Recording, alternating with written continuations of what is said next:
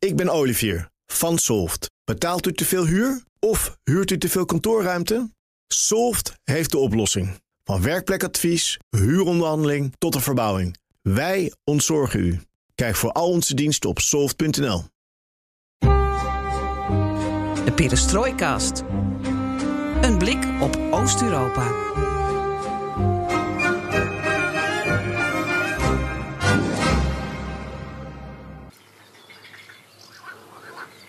Ik hoor kikkergeluiden, Geert-Jan. Mijn lieve Geert-Jan, waar zit je momenteel? Wat ben je toch ook een natuurkenner, Floris Dobredan vanuit Montenegro. En je mag me feliciteren, eh, want dat heb ik gisteren gedaan aan alle Montenegrijnen. Want uh, 13 jaar onafhankelijkheid, zoals ze dat hier uh, noemen, dat wordt gevierd. Montenegro is weer een land, één land sinds 2006. Gefeliciteerd daar. Ik zit hier aan het Skoder Lake. Uh, dat kennen mensen vanwege de Albanese stad Skodra.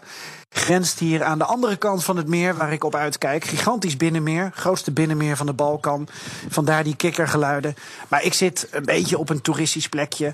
Um, in een prachtige uh, guesthouse. Uh, maar hier is wel de bakker open. En hier kan je wel je dagelijkse uh, droogje en natje natuurlijk halen. Gelukkig. Geert-Jan bij de bakker in Montenegro en ik zit hier in Amsterdam. Welkom bij BNR Perestrojkast. Leuk dat ik dat een keer mag aankondigen. En uh, ja, dit is alweer de elfde aflevering van de enige podcast van Nederland... die volledig oog voor het oosten heeft. Geert-Jan gaat ons straks bijpraten over de Europese verkiezingen in Kroatië. En we hebben het beloofde tweede deel van het gesprek met... jawel, Ewout van Wijk over ondernemen in Polen en Roemenië. En Joost Bosman dook met Sandra Roelofs Georgië in... en kwam onder andere terug met een mop.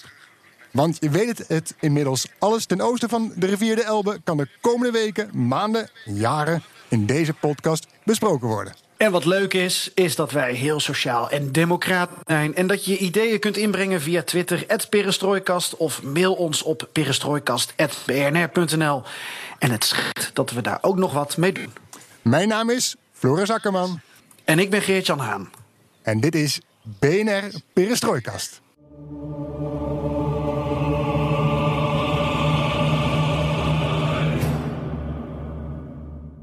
Snel door naar onze man op de Balkan.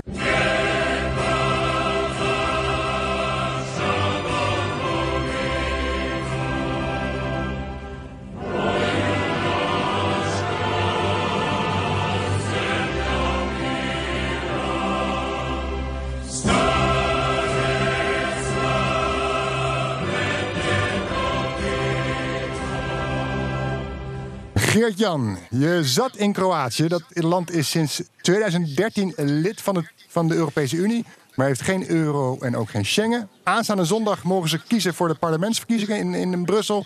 Um, er ja. is een deelnemer, een deelnemende partij met een wat ongewone, maar voor Nederland bekende naam. Daarover ga je ons straks alles vertellen.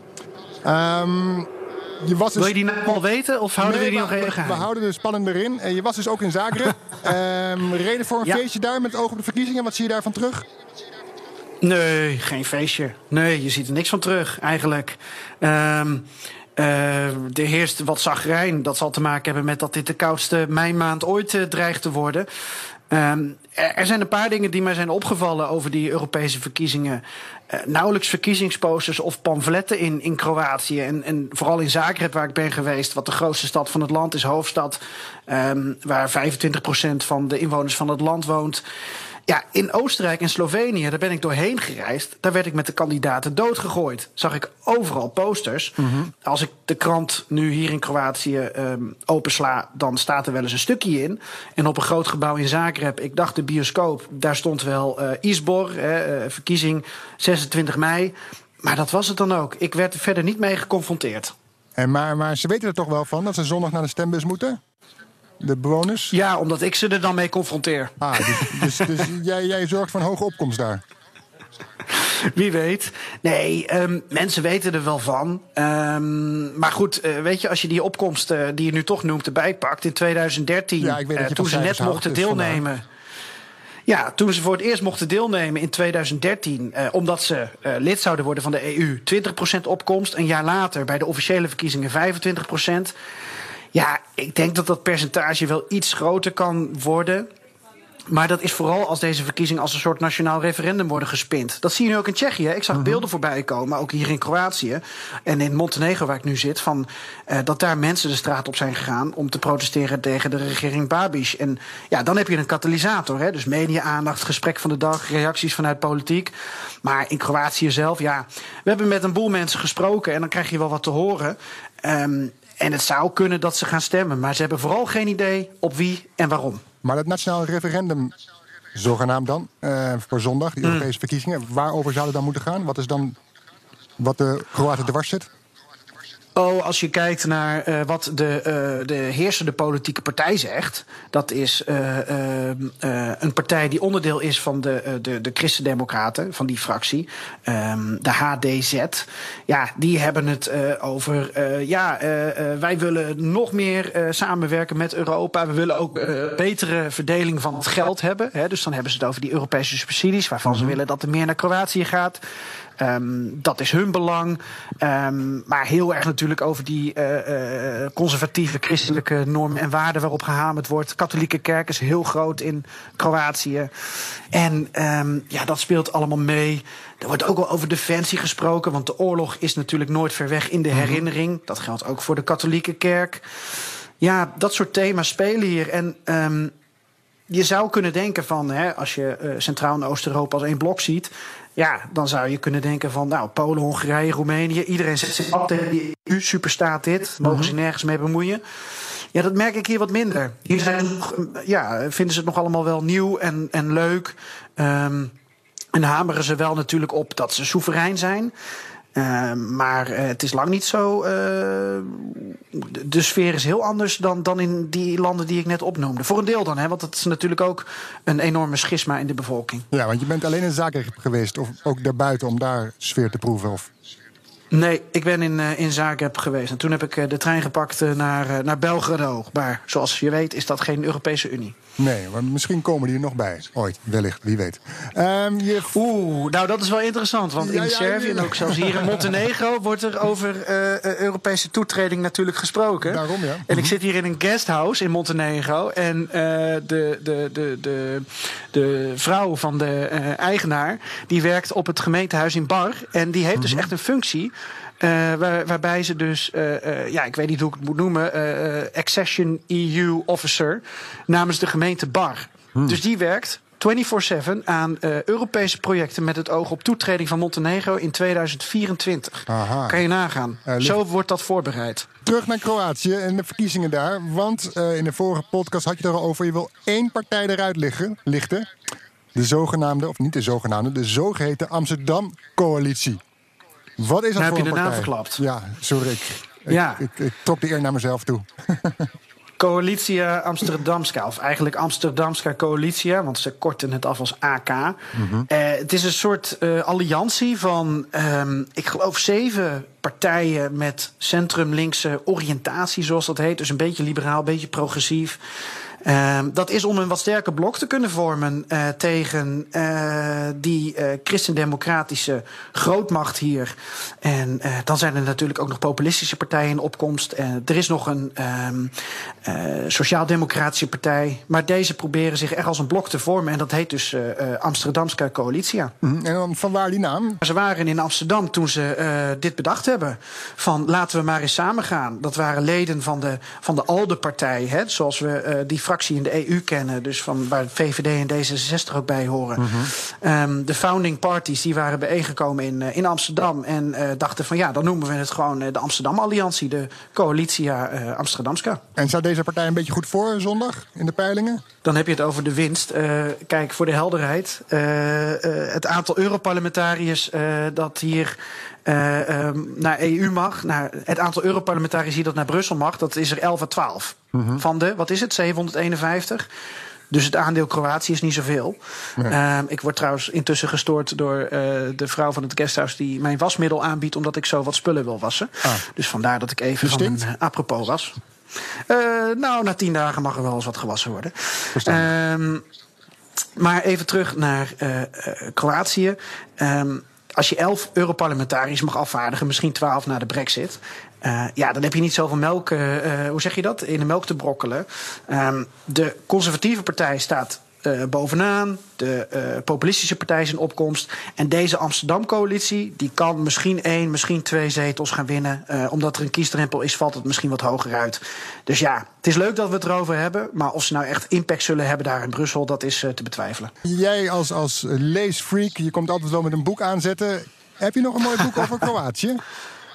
Oeh, nou ja, je zou natuurlijk uh, boeken van uh, Dubravka Ugresic kunnen lezen. Mm -hmm. Dat is uh, een, een, Kroatische, eigenlijk Joegoslavische, die nu al jaren in zogeheten ballingschap in Amsterdam woont. Ik heb haar zes jaar terug een keer geïnterviewd.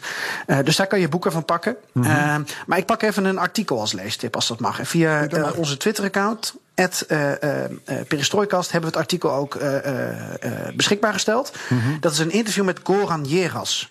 En hij is oprichter van de eerste Kroatische ethische bank. Um, hij heeft jarenlang in Nederland gewoond, maar besloot om terug te gaan naar Kroatië. En dat is wel interessant, want dan heb je het dus over iemand die ervoor gekozen heeft om in het buitenland kennis op te doen. En dan terug te gaan om zijn leven um, verder op te bouwen. Mm -hmm. En dat is eigenlijk hoe ze het graag zien. Hè? Want Kroatië heeft een enorm potentieel, best slimme mensen. En dat is misschien ook waar die verkiezingen over zouden moeten gaan. En dat is ook wat in het artikel staat. Hem wordt gevraagd hoe kijk je in de vooravond van de Europese verkiezingen naar Kroatië. En hij zegt prima als Kroaten in het buitenland studeren, werken, ervaring opdoen. Maar biedt ze de mogelijkheid om terug te komen uh, om in eigen land in bepaalde sectoren te werken. Denk aan uh, de landbouw. Want een hectare landbouwland kost hier gemiddeld 2400 euro per hectare. In Slovenië is dat 17.000 euro. Mm -hmm. Tel uit je winst. Of investeer in hernieuwbare energie. Wind, zon, biomassa. Kroatië kan het allemaal faciliteren. Investeer daarin. Creëer werkgelegenheid. En nogmaals, tel uit je winst. Weet je wat ze nu hebben, Floris? Nee, 20 tot 25 procent van het Kroatische GDP is gericht op toerisme toerisme als economische motor.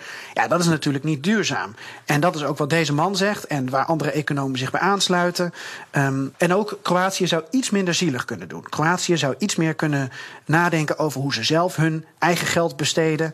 Um, wat minder geld naar publieke overheid, minder corruptie, dat kan altijd natuurlijk. Mm -hmm. uh, zodat je zelf fondsen beschikbaar stelt om zelf in bedrijven te investeren en ervoor te zorgen dat die werkgelegenheid aantrekt, dat er kansen voor jongeren zijn. En op die manier voorkom je ook die leegloop, wat eigenlijk natuurlijk in veel Centraal- en Oost-Europese landen nu het geval is. En dus, dus dat is eigenlijk waar misschien de verkiezingen over zouden moeten gaan. Maar we zijn toch ook wel benieuwd naar je reis. Uh, de Balkan anno 2019, hoe is dat daar? Nou, prachtig. Het uitzicht is uh, fenomenaal uh, dat ik hier heb. Ik heb nog nooit zo mooi licht gezien uh, als gisteravond. Geweldig. We kunnen je volgen en... op hashtag reis mee met GJ op Twitter. dat, dat, is nu al de meest populaire hashtag van het jaar. Uh, dat is ongelooflijk uh, trending, inderdaad. Ja. Nee, ik kan het iedereen aanraden om. Uh, ja, weet je, ik, ik heb het ingepakt. Ik vond het een mooi experiment. En ik ben dus hier in het uh, zuiden van Europa aanbeland met de trein. Mm -hmm. Gewoon vanuit uh, Utrecht Overvecht in tien uur in Salzburg. Vanuit daar uh, dwars door Oostenrijk en Slovenië naar Zagreb. Dan Zagreb Belgrado. En dan een fenomenale treinreis Belgrado Bar. En ja, met een enorme historie ook. En uh, alle steden hier zijn interessant, alle natuur is interessant. Ik vind het allemaal mooi. Uh, je gaat nu nog naar Bosnië, toch? Ja, dat is het plan. Het is eindelijk, eindelijk mooi weer geworden op de Balkan. Ah, uh, dus klacht. we gaan nog even genieten hier, uh, dank je. We gaan nog even genieten hier van het prachtige weer. Uh, zo tussen de Adriatische kust en het grootste binnenmeer van de Balkan. En dan uh, denk ik dat we alsnog overschakelen op de auto en langs die Adriatische kust omhoog rijden. Om dan vanuit daar uh, of eerst naar Dubrovnik of uh, gelijk naar Bosnië. Om daar dan richting uh, Sarajevo te gaan. Maar niet voordat we natuurlijk allerlei prachtige dorpjes en gebieden hier op de Balkan bekeken hebben. Doe dat zou ik zeggen. Um, volg hem nogmaals, Geert-Jan, op zijn Twitter. Hashtag reis mee met GJ. En um, vanuit Amsterdam zeggen we veel plezier en ook aan je vrouw. Gewoon. Daarbij.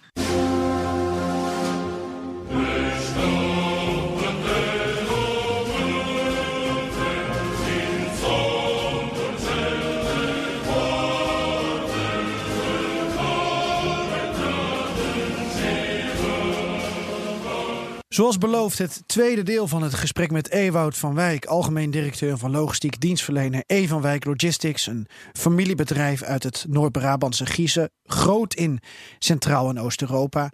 In het eerste deel ging het vooral over Oekraïne, maar we spraken Ewout van Wijk ook over ondernemen in Polen en Roemenië. In die landen is hij ook actief en dit maakt hij allemaal mee. 30 jaar terug begon je vader in Roemenië, 15 jaar terug begonnen jullie in Oekraïne. Wanneer ben je in Polen begonnen? 2015. Dus kort na die. En waarom uh, begin je zo laat in Polen? Want Ja. ik denk, iedereen rijdt er al op. Uh, uh, en dan komt Even Wijk nog even uh, toeteren.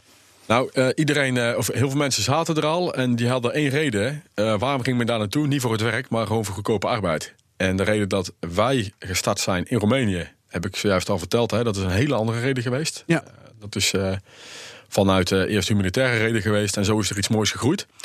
Eh, eigenlijk is Polen geweest, dat is klantgedreven. En ook een beetje, het is 2015, net na die revolutie in, eh, in Oekraïne. Activiteiten namen daar af. We hadden een aantal klanten die eh, wilden hun voorraad, wat ze juist in Oekraïne hadden, naar de grens in Polen brengen. Dus dichtbij eh, Oekraïne. Dus dat ze hun goederen veilig hadden. Dat was even de gedachtegang. Dus toen, ja, dan zijn wij meegegaan. Dus wij hebben onze klanten ook gevolgd. En eh, wat ik eerder ook al aangaf, de flexibiliteit zagen wij toen van eh, transportvergunningen, die in Polen natuurlijk gewoon eurovergunningen zijn. Dan moet je je voorstellen, dan kun je eigenlijk gewoon onbeperkt door heel Europa blijven rijden. Ja. Als je een Oekraïnse vrachtwagen hebt, dan kan dat niet. Dat is beperkt door, door transportwetgeving. dus je kunt een, kunt een rit maken naar, naar Europa. En dan moet je een ritmachtiging voor hebben. En dan mag je niet zomaar een rit in Nederland doen of in Duitsland. Dan moet je wachten tot er weer vracht terug is naar Oekraïne. En daar heb je dan ook weer een, eh, een, eh, een ritmachtiging voor nodig. Die zijn beperkt. Het eind van het jaar raken die op. Dus ehm, toen hebben we gezegd, we bouwen iets af in Oekraïne en we bouwen op in Polen. Dus, Ja. Als jij eh, Roemenië en Oekraïne gewend bent, dan is Polen een verademing. Ah, dat is wel heel veel gezegd, denk ik. Dat Minder er, een avontuur. Minder een avontuur, ja. Ik denk dat van die drie landen, dus Polen, Oekraïne en Roemenië, is Polen, wat mij betreft, het verst. Op de zaken die ik kan beoordelen, uiteraard. Ik heb het over infrastructuur, keurig geregeld. Er zijn prachtige wegen in, eh, in Polen. Eh, er blijvend wordt er gebouwd in, eh, eh, in Polen aan het, aan het netwerk. Eh, als je kijkt van hoe zaken geregeld zijn eh, om een onderneming te starten en eh, hoe ja, hoe het je gefaciliteerd wordt om eenvoud te ondernemen, dat is in Polen eh, wel heel erg ver. Ehm, ga ik dan even terug naar eh, Oekraïne, wat ik net al zei. Ja, daar is het gewoon heel erg moeilijk. En eh, in Roemenië is dat eh, niet zo moeilijk als in, ehm, eh, in, eh, in Oekraïne. Alleen eh, nog steeds wel eh, merk je dat het. ja, in Roemenië zijn ook veel politieke onrust en schuivingen. En daar is het toch gewoon nog een stuk lastiger. Ja. Ik merk gewoon, ze zijn later aangesloten. Misschien heeft het daarmee te maken. Maar ehm, ja, ik vind echt dat Polen verder is. Ja. ja, want Floris, eh, terwijl jij aan het eh, fotograferen bent of aan het filmen, is dit voor onze social media om mensen te trekken? Nee, het is gewoon voor, voor mijn familiearchief. Oh, dat mag ook. Ja. Want jij zat je ook af te vragen wat nou het verschil is hè, tussen die landen in het, eh, in het zaken doen met Oekraïne. Of met, eh, ehm, eh, in het geval van, eh, van, van Ewout, met Nederland. Ja, nou ja, ik ben vooral benieuwd. Hè, stel je gaat die grens over. Van, dat heb je al een beetje verteld. Maar je hebt ook Roemenië en Polen. Daar zitten ook weer verschillen in. Kun je daar gewoon makkelijk die grens overrijden? Naar Roemenië bedoel je? Dat is Roemenië en Polen. Of, of... Nou, kijk, Po- Polen is weer eh, een Maar stukje. Roemenië is geen Schengen, hè? Eh, ik wou net zeggen, ja, Polen is natuurlijk, er staat niemand aan de grens. eh, Ja, ze kijken wel naar je, maar dan mag je. Maar in, in, als je Roemenië nu de grens overrijdt, dan staan er toch de, eh, de Hongaren en Roemeense mensen staan weer naast elkaar en is toch weer paspoortcontrole. Ook vanwege het immigratieverhaal van een aantal jaar geleden is dat weer ietsje aangescherpt. Maar Oh ja. ja, Dus net- daar hebben jullie net- ook nog last van gehad. Ja, want de, de grenzen. Migratievraagstuk. de- Ja, laat ik even zeggen, de grenzen tussen, tussen Noordzee en Zwarte Zee, hè, die, eh, ja, er zijn nog steeds controles, ook Oostenrijk-Duitsland. Daar zijn ook nog steeds, eh, nu nog steeds eh, controles. Ja. Hoeveel vertraging levert je dat dan? Ja, nu kan ik daar niet. Nu is er geen, hebben we eigenlijk er geen vertraging meer door in die landen. Aan het begin was dat wel. Toen was het natuurlijk nieuw en mensen wisten niet wat de hand was. En dan werd intensief gecontroleerd. Maar dat kan ik nu niet zeggen. Vertraging aan de grenzen naar Roemenië en naar Polen, die zijn er eigenlijk, zijn er eigenlijk nu niet. Ja. Of minimaal. Eh, het, het was ons duidelijk dat Oekraïne nog wat eh, achterliep op, eh, op, op Polen. Ehm, Roemenië en Polen, vind je het nou echt een groot verschil? In sommige zaken wel. Infrastructuur wel. Ehm, als ik kijk naar levensstandaard van mensen, vind ik heel veel overeenkomsten. Als ik kijk naar eh, ehm, allerlei zaken, hoe ze geregeld zijn in de overheid, dan zijn er heel veel overeenkomsten. Maar Polen is net allemaal dan een stapje verder. Dus dan is het niet substantieel verschil. Maar allemaal, het zit hem in de marge dan, zeg maar. Maar infrastructuur is echt een probleem. Ja. Polen heel erg goed, goede bereikbaarheid. Roemenië dramatisch, echt dramatisch. Zeker in Boekarest. Is echt, eh, dat remt Roemenië op dit moment in mijn ogen voor eh, de economische groei daar. Dat remt echt. Ja. Ja. Enig idee hoe dat kan? Ja, dat heb ik zeker. En er zijn al heel lang heel veel plannen om een aantal wegen te veranderen. Er zijn een aantal grote blunders geweest met bouwbedrijven. Bouwbedrijven die failliet zijn gegaan. Allerlei corruptieschandalen. Eh, de overheid die er wel of niet eh, zich mee op een verkeerde manier mee bemoeid heeft. Eigenlijk wat in Polen allemaal wel gelukt is met die projecten. Onder, eh, ja, en waarom, als je de vraag had waarom is dat dan in Polen wel gelukt... en uiteindelijk in Roemenië niet, dat kan ik moeilijk beantwoorden. Maar het, het is wel echt zo. Maar het is wel gewoon politiek ook dus. Ja, het is politiek gerelateerd. Ja. Ja. Is, is, is, is Roemenië een moeilijk land? Want je hoort inderdaad nu ook weer van die verhalen over eh, corruptie. We hebben, we hebben het zelf ook veel over ehm, eh, mevrouw Kovesi. Dat was dan de corruptiebestrijdster in Roemenië. Die zou naar Europa gaan, maar daar is nu gedoe over. De premier en de president liggen constant met elkaar overhoop. Het zijn allemaal dingen die de vooruitgang en de hervorming van zo'n land niet echt helpen. Ja, ab- absoluut. Ja. Kijk, in Polen kun je allerlei meningen hebben over ehm, eh, de politieke richting die ze nu gekozen hebben. Ja. Maar hij is relatief stabiel voor de opbouw van het land zelf. En dat is in Roemenië eh, behoorlijk minder. Anticorruptie-eenheid in Roemenië, die is wel eh, heel actief. Die, eh, Zou die wel een voorbeeld voor Oekraïne aanwezig. kunnen zijn ook. Ja, absoluut. Ja, ja, ja, ja. ja, vind ik wel. Ja. Ja, ik zit naar jou te kijken of jij nog mee wil doen. Eh, nee. Ehm, wat, ik- wat ik me nog afvroeg, Ewout. ehm, eh, deze drie landen, hè, want je bent nu eh, recent in Polen begonnen. Nog meer plannen? In het Nou, oosten van Europa? Dat is een eh, goede vraag. Eh, we hebben altijd plannen. We Wat hebben, mag je erover zeggen? Eh, wat mag ik erover zeggen? Nou, recent hebben wij, eh, we hadden een automotive tak, dus die DAF, eh, eh, met name DAF dealerbedrijven in eh, Roemenië en in eh, Oekraïne. Wij hebben recent ons eh DAF dealerbedrijf in eh, Roemenië verkocht. Ehm, nou, er zitten meerdere oorzaken aan, maar ook één hoofdoorzaak is eh, eh, focus. En dat is dus op ons eh, logistieke bedrijf eh, voor, eh, voor dit moment. Ehm, ja, eh, de landen waar we zitten, zitten we goed hè, op zo'n driehoek. Althans, zo kijken wij daarnaar. Alleen we zien wel dat in logistiek belangrijk is dat je schaalgrootte eh, dat dat steeds verder gaat. En eh, we zijn geen kleine onderneming. We zijn ook niet de allergrootste. Dus eh, ja, wij zullen wel door, door willen groeien. En eh, met na, ja, ook met overnames. Dus eh, ja, we zullen gaan zien. Ja. De Baltische landen, is dat nog iets? De Baltische landen? Daar hebben wij, dat is best iets, maar eh, daar gaan wij zeker niet in. De, de, de transportmarkt zeg maar, in West-Europa is best wel versplinterd. De Baltische landen worden geregeerd, door ehm, een aantal grote transportondernemingen.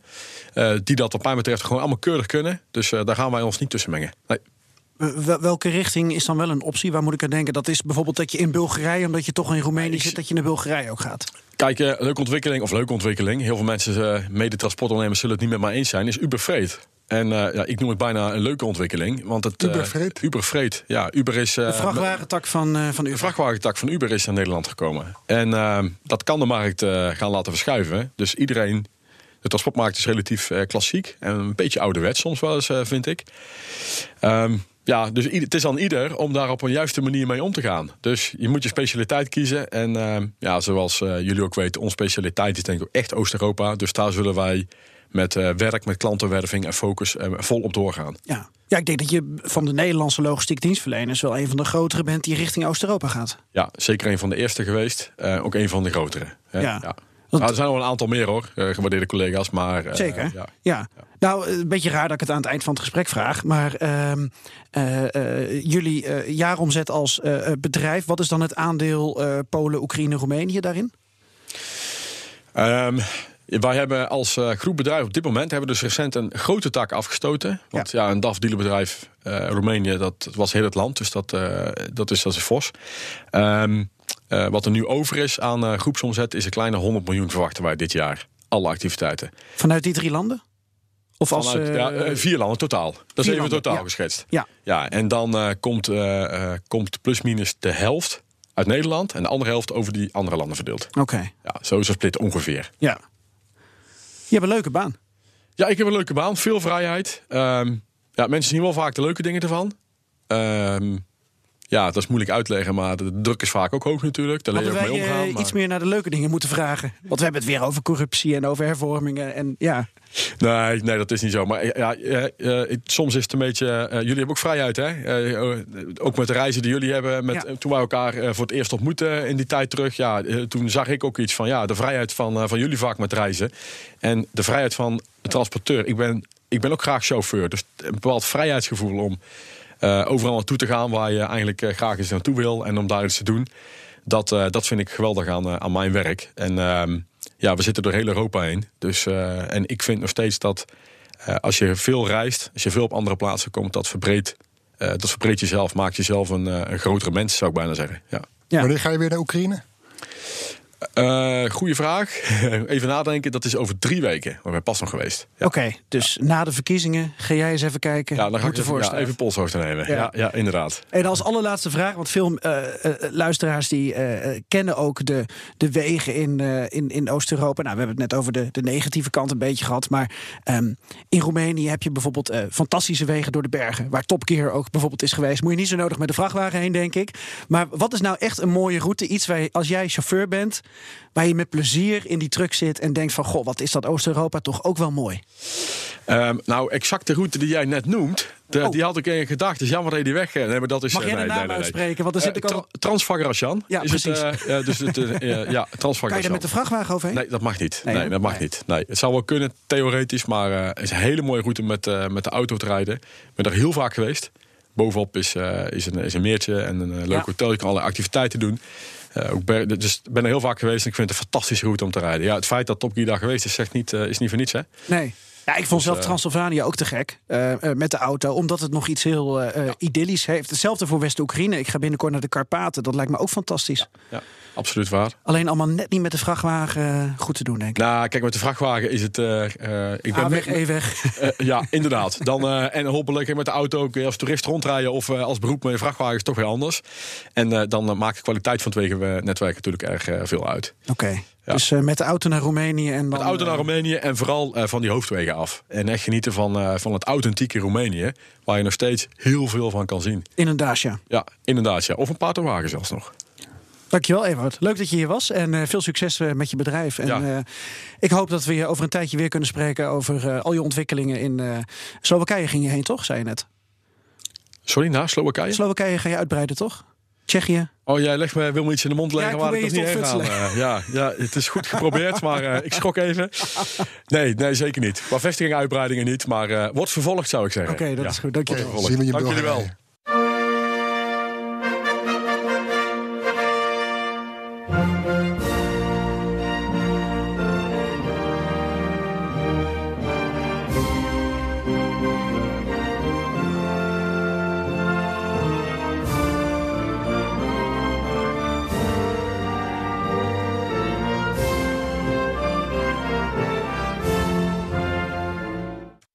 Jaren een bekend gezicht in Georgië. Stond aan de zijde van haar man Michael Saakashvili tijdens de Rozenrevolutie in 2003. Werd First Lady en deed afgelopen weekend een gooi naar het burgemeesterschap van het West-Georgische Zoekdidi. En nu is de Zeeuwse Sandra Roelofs op protesttocht, vertelde ze eerder deze week bij de Ochtendspits op BNR. Onder deze regering kunnen geen verkiezingen gehouden worden. Dat is mijn motto. Juist. Ja, dus eh, het is een protestmars die uiteindelijk naar Tbilisi leidt. Onze eigen Joost Bosman, moppetapper van het eerste uur, volgde voor het AD en FD Roelofs tijdens haar campagne voor het burgemeesterschap. Joost, welkom in Perestrooikast in deze hoedanigheid. Eh, je moet het met mij doen, want Geert-Jan viert vakantie op de Balkan. Dus eh, eh, ik hoop dat ik je niet teleurstel. Nou, het is niet anders. We, we kunnen, moeten het ermee doen. Ja, precies, precies. Naar Sandra Roelofs. Waarom is zij zo graag op protesttocht door Georgië? Omdat zij zegt dat ze eigenlijk geen eerlijke kans heeft gekregen bij die, bij die verkiezingen. Ze zei al de dag voor de, of twee dagen voor de verkiezingen, er waren, eh, heb ik even vrij lang met haar gesproken. Ik heb, ben ook met haar mee geweest die op, op campagne buiten in een dorp ergens. En toen zei ze ook, ja, de, de, de, de, er wordt zoveel geïntimideerd door deze huidige autoriteiten. De, de, de kiezers, eh, er, wordt, er worden stemmen gekocht, er worden eh, identiteitskaarten worden ingenomen. Eh, allemaal om de, de bevolking om te kopen of te intimideren. Ehm, er, zijn zelfs, er is er zelfs een, een, een, een filmpje op YouTube te zien waarin zij vorige week in het park van Zoekdidi een, een, een promotiefilmpje wil opnemen voor de campagne. En er komen een stel mannen aanlopen en die vallen het, camerateam en haar vallen ze aan. Ehm, nou ja, zij zei, eh, als je Georgisch uh, spreekt, dan hoor je dat, uh, dat dit criminelen zijn. Het, het, het taalgebruik dat ze hanteren, Mhm. Dat is puur wat mensen in de gevangenis, mannen in de gevangenis gebruiken. Hij, zij zegt, deze mensen zijn gestuurd door de autoriteiten, door de huidige regerende kliek, die bang zijn om de macht uit handen te geven. Die willen dat niet. Um, en daarom uh, ja, proberen ze zoveel mogelijk de oppositie, waar hij dus deel van uitmaakt uiteraard, uh, te dwarsbomen op deze manier. Maar die protesttocht, die, die begint zij nu, waarom, waarom denkt zij dat ze, dat ze, dat ze zo'n protesttocht moet doen? Wat, wat is daar de gedachte achter? Nou, het is het, het, is het enige, het, is het enige waar, waarmee ze uh, ja, nog iets zou kunnen bereiken. Omdat uh, ja, de, de, de centrale kiescommissie is aan de kant van, van, uh, van, van, van haar tegenstreven. de andere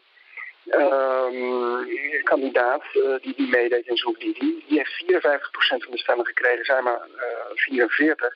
Maar ze zegt, er is zoveel gesjoemeld ook met, met extra stembiljetten die, die, die in naam van haar tegenstrever in, in, de, in de stembussen zijn gedumpt eigenlijk. ja, uh, ze vindt uh, op deze manier kan ik het niet winnen, dus moet ik het volk mobiliseren. Want mm -hmm. ze weet wel, dat zegt ze, daar is ze van overtuigd, dat de meeste mensen in ieder geval in Zoekdidi en omgeving, maar ook in de rest van Georgië mogelijk, toch achter haar staan. Ze zegt, vorig jaar herfst zijn er al presidentsverkiezingen geweest die overduidelijk werden gefraudeerd. Daar -hmm. heeft ook de, de, de, de kandidaat van uh, de Droom van Georgië, hè, de regerende partij, uh, heeft, heeft, heeft uh, daar gewonnen, maar ook gewoon met heel grootscheepse fraude. Zij zegt, als ik nu uh, van dorp naar dorp ga trekken, hè, dan kan ik misschien het volk mobiliseren, dan komt er misschien toch iets van, van, van onvrede en, en, en mogelijk weer een soort revolutionaire sfeer, waardoor de regering toch ja, bakzeil zal moeten halen, uh, waardoor zij mogelijk zelf ook ja, toch nog burgemeester kan worden. Uh, en ook in de rest van Georgië een soort olievlek werking wil bewerkstelligen. Dat uh, overal in Georgië mensen in op, opstand komen tegen de huidige regerende kliek. Ja, ze kan die uitslag niet aanvechten bij de rechter?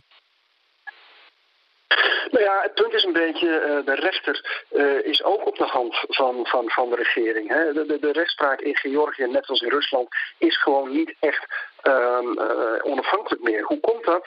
We hebben in 2013, in de herfst van 2013, is er een nieuwe premier gekomen.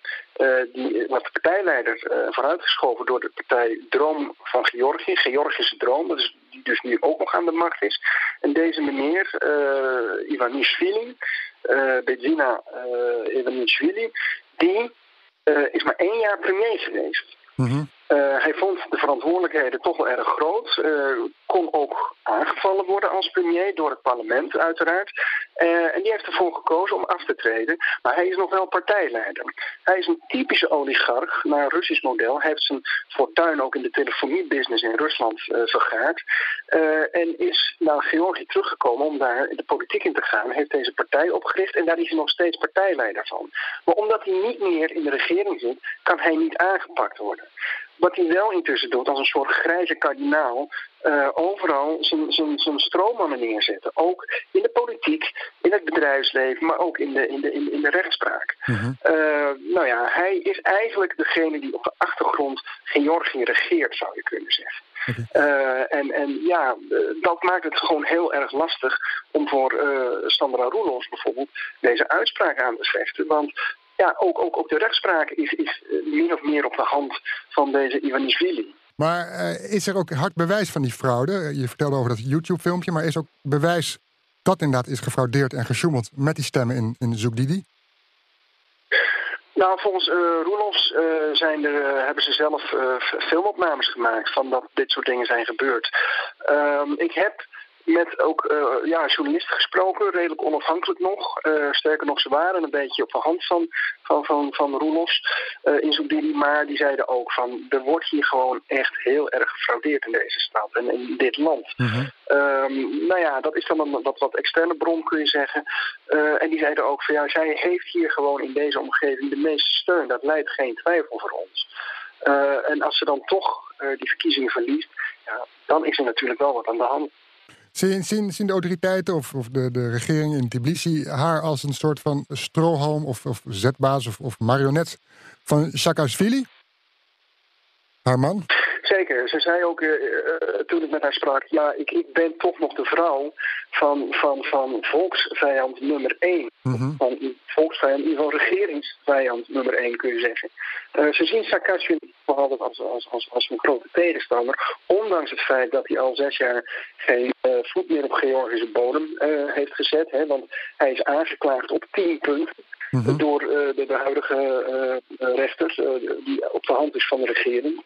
En, en heeft, heeft ja, een van die punten is machtsmisbruik bijvoorbeeld. En als hij nu zou terugkeren naar Georgië, dan zou hij onmiddellijk opgepakt worden. Mhm. Wat Roels wil bereiken is dat er toch een bepaalde sfeer in het land komt, waardoor bijvoorbeeld ook de, de, de, de parlementsverkiezingen van volgend jaar vervroegd worden naar dit jaar waardoor er misschien de oppositie uh, toch veel kan winnen. Waardoor er een sfeer ontstaat waarin de, de, de, autoriteiten niet meer zullen aandurven om Saakashvili te, te, te, te, arresteren als hij zou terugkomen. En dat zou de mogelijkheid geven voor haar man, die die nog altijd is, om, om, om weer naar Georgië te komen. Ja, waarom is dat, dat zoekt Didi? Um, daar begint ook die protesttocht. Waarom is, dat, waarom is Sander Roelofs daar zo gefocust op de, juist deze plaats, deze stad van ongeveer 150.000 inwoners? Nou, het ligt in de, in de, in de, in de, in de regio Mengrele. En zij zingt uh, liedjes in het Mengreels. Dus daar had ze al een beetje een binding mee zijn. Dus zo is het een beetje begonnen.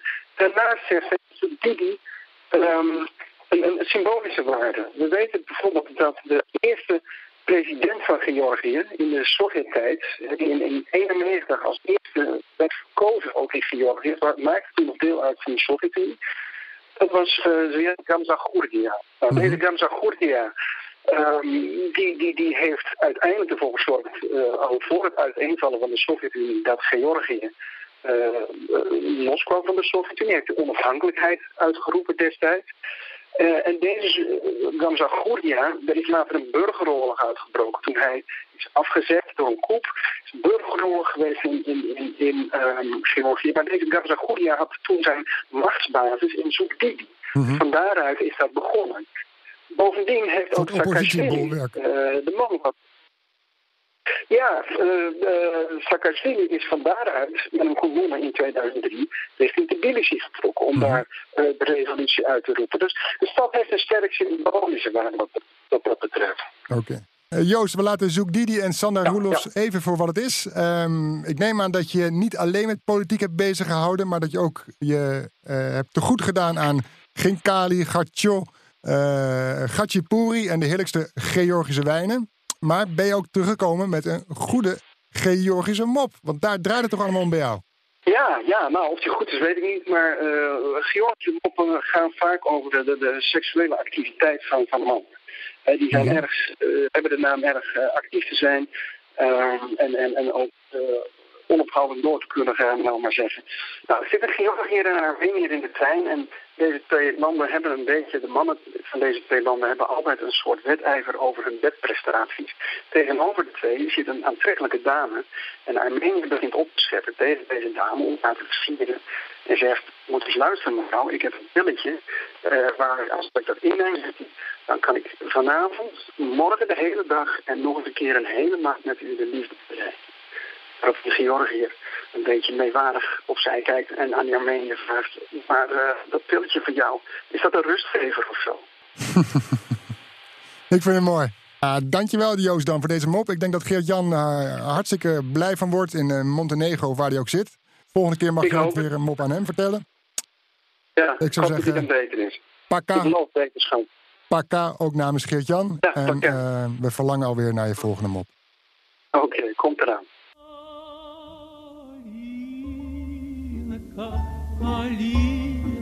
калинка моя, в саду ягода, малинка, малинка моя.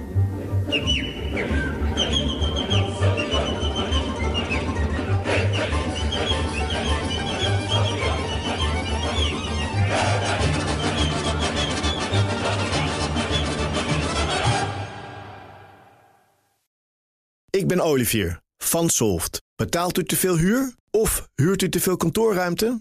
Solft heeft de oplossing. Van werkplekadvies, huuronderhandeling tot de verbouwing. Wij ontzorgen u. Kijk voor al onze diensten op soft.nl.